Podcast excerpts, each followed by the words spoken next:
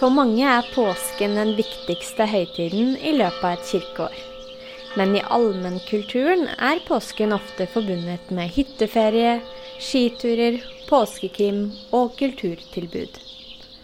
Førstekonsulent Merete Elise Blikkfelt ved Kunstakademiet ved UiT elsker å lese i ferien, og her er hennes bokanbefalinger. Nei, altså jeg anbefaler litt ulikt. Jeg har noe krim, og så er litt noveller og, og litt eh, prosa.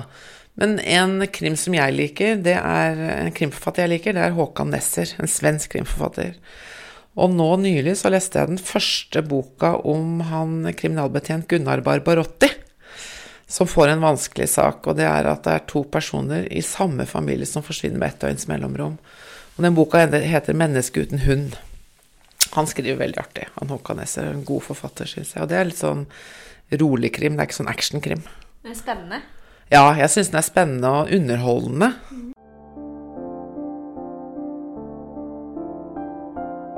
Kan du fortelle meg litt om Henrik og Robert? Ja, hva er det du vil vite? Han foldet hendene og så alvorlig på henne. Hva som helst som du tror kan være vesentlig, sa han. Hun drakk litt te, men sa ingenting. Det må jo finnes en grunn til at de har forsvunnet, utdypet han. Kanskje er det to grunner, som er helt forskjellige, men det er for tidlig å ha noen formening om den saken ennå. Jeg har ikke noen særlig sant stor sjanse for slumpetreff og tilfeldigheter. Det finnes en forklaring, eller altså to forklaringer, og dersom jeg visste hva de tenkte og mente, og hvordan de hadde det i timene før de forsvant, ja, da ville jeg antagelig også skjønne hvor de tok veien. Er du med? Hun nikket. Det er liksom en krimroman. altså Han skriver eh, om eh, mennesker som forsvinner, samtidig som du får innblikk i det som skjer uh, men menneskene rundt. da, Familien og Gunnar Barbarotti, han kriminalinspektøren, da, som er en veldig Jeg liker han veldig godt. Og så har jeg en krim til av han Jussi Adler Olsen. Den heter 'Kvinnen i buret'. Det er, han er vel svensk forfatter, han også. Han har skrevet en del bøker om Carl Mørk og assistenten som heter Hafez al-Hassad om avdeling Q, som skal eh, løse uløste, vanskelige saker. Også veldig godt skrevet og bra krim, bra plott. Hvem er det den passer for? Eh, den passer for de som eh, liker Altså liker krimmen ikke sånn veldig sånn Ikke Agatha Christie, men heller ikke veldig actionkrim. Den er ikke sånn veldig blodig, eller den er ikke veldig sånn Agatha Christie som liksom snirkler seg fram på den måten hun gjør, da.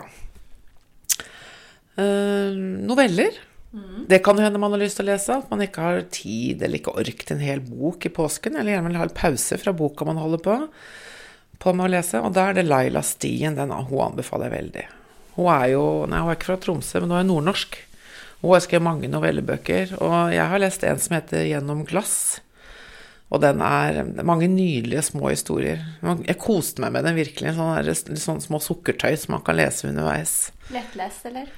Ja, det vil jeg si. Men det er sånn når du er ferdig med en novelle, så, så kan du gjerne gå og tenke på den en stund. Fordøye den. Fordi hun, hun, skriver Altså, skriver enkelt, det blir jo litt tullete å si, men hun skriver bra. Og det er, sånn for, det er i hvert fall ikke for meg sånn tungt å lese det, Nei. men det inneholder veldig mye. Mm -hmm. Og så har jeg uh, hun Helga Flatland. Anbefaler jeg veldig. Det er en stund siden jeg leste triologien hennes 'Bli hvis du kan'. Det er tre bøker om, uh, som utgangspunktet er fire barndomsvenner, hvor fire gutter som reiser til Afghanistan. Og så er det bare én som kommer tilbake. Og det handler jo om de som blir igjen. Da. Det handler om sorgen, og det handler om uh, altså, de som blir igjen sin sorg. Og så handler det også om hva som påvirker de valgene vi gjør. Uh, for disse fire vennene har jo veldig ulike utgangspunkt for å velge det å dra til Afghanistan. Og hun anbefaler Jeg har en bok på lista nå som jeg skal lese i påsken, som heter 'Vingebelastning'. Uh, ja, den husker jeg ikke så mye om hva det handler om, men den, den gleder jeg meg til å lese. Mm. Hvem er det som har skrevet den? Helga Flatland heter hun. Mm. Ja. Og så har jeg den som jeg leser nå. Tenkte jeg må komme litt sånn der, noe helt annet, da. Det er en som heter Hiromi Kawakami. 'Merkelig vær i Tokyo' heter den boka. En japansk forfatter. Hun er en av de store internasjonalt anerkjente japanske forfatterne. Og hun skriver om, hun skriver om ensomhet. Jeg opplever ikke at boka Jeg leser ikke boka som noe ensomt på et vis, det, men det handler om en kvinne som møter den gamle læreren sin tilfeldig, og så oppstår det et vennskap mellom dem, da. Og den er sånn bok også som flyter av gårde, stille og rolig. Så, men samtidig som man blir veldig sånn, i hvert fall jeg blir det veldig sånn fanga av historien, da. Og følge de to videre. Så de, ja. Hva er det det gir deg å lese i ferier? Nei, det gir meg uh, avspenning, avslapping, uh, nye bilder. Nye opplevelser. Eller bare det å bare ja, slappe av rett og slett med en bok som bare gir meg noe ja, en type spenning eller gode følelser. Uh, ikke så mye nye tanker, egentlig, men mer sånn gode opplevelser. Hvor viktig er den virkelighetsflukten for deg, da? Den tror jeg er veldig viktig. Jeg tror, hvis Jeg snakka med noen om det en gang, om det å lese bøker, så var det en venninne av meg og sa at hun hadde ikke tid til å lese. Og det, da oppdaga jeg at det var ikke en problemstilling for meg. Jeg må lese. Jeg har alltid gjort det. Jeg husker enda den første gangen Eller når jeg oppdaga at jeg kunne lese.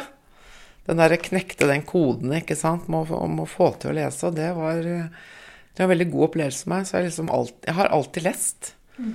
Så det, det, er nok en viktig del av livet mitt.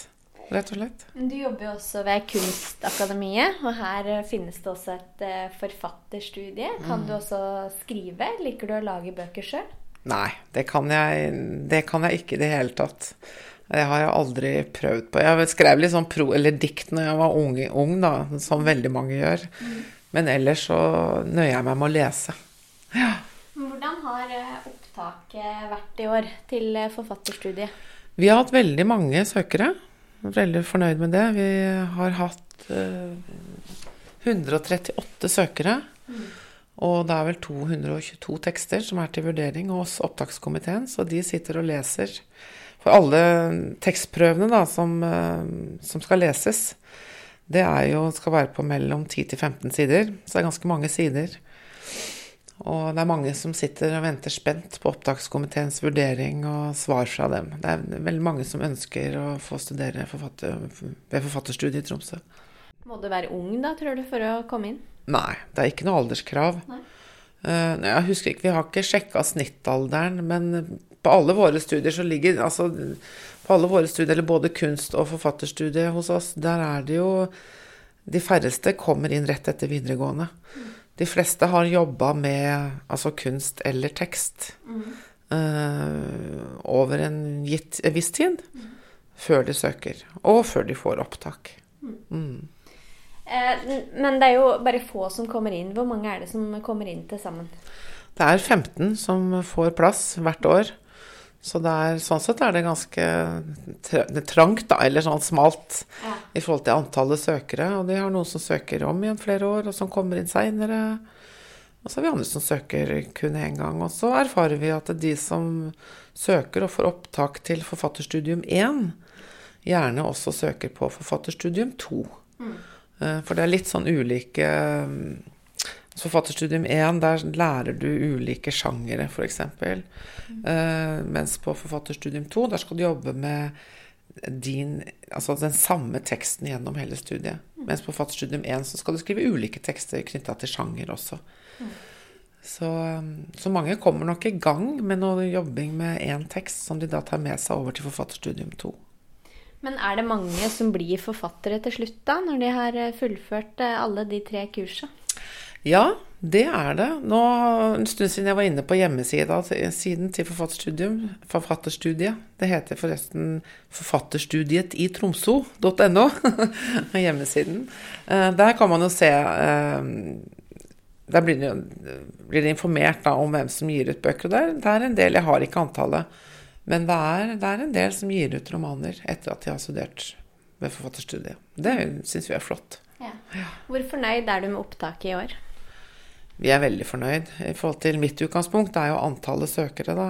Men vi er jo veldig glad for at det er mange som eh, vet om forfatterstudiet, og at det er mange som ønsker å søke. Jeg tenker når det er mange søkere, sier noe om at det er et bra studie òg. Fordi eh, innafor de områdene forfatterkunst, så er det ja, et lite miljø for så vidt eh, i Norge. Og det betyr at når det blir for mange søkere, så spres det gode rykter om oss, gode ord som spres om studiet. Og det, det, er vi jo glad for.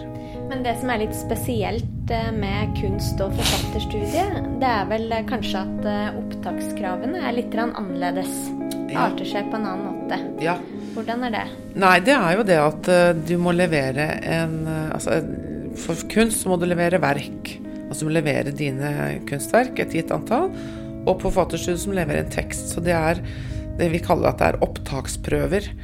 Så det er noen, en komité, opptakskomité som består av faglige medlemmer, og studenter selvfølgelig, som vurderer det som blir levert, og om du kvalifiserer for opptak til studiene.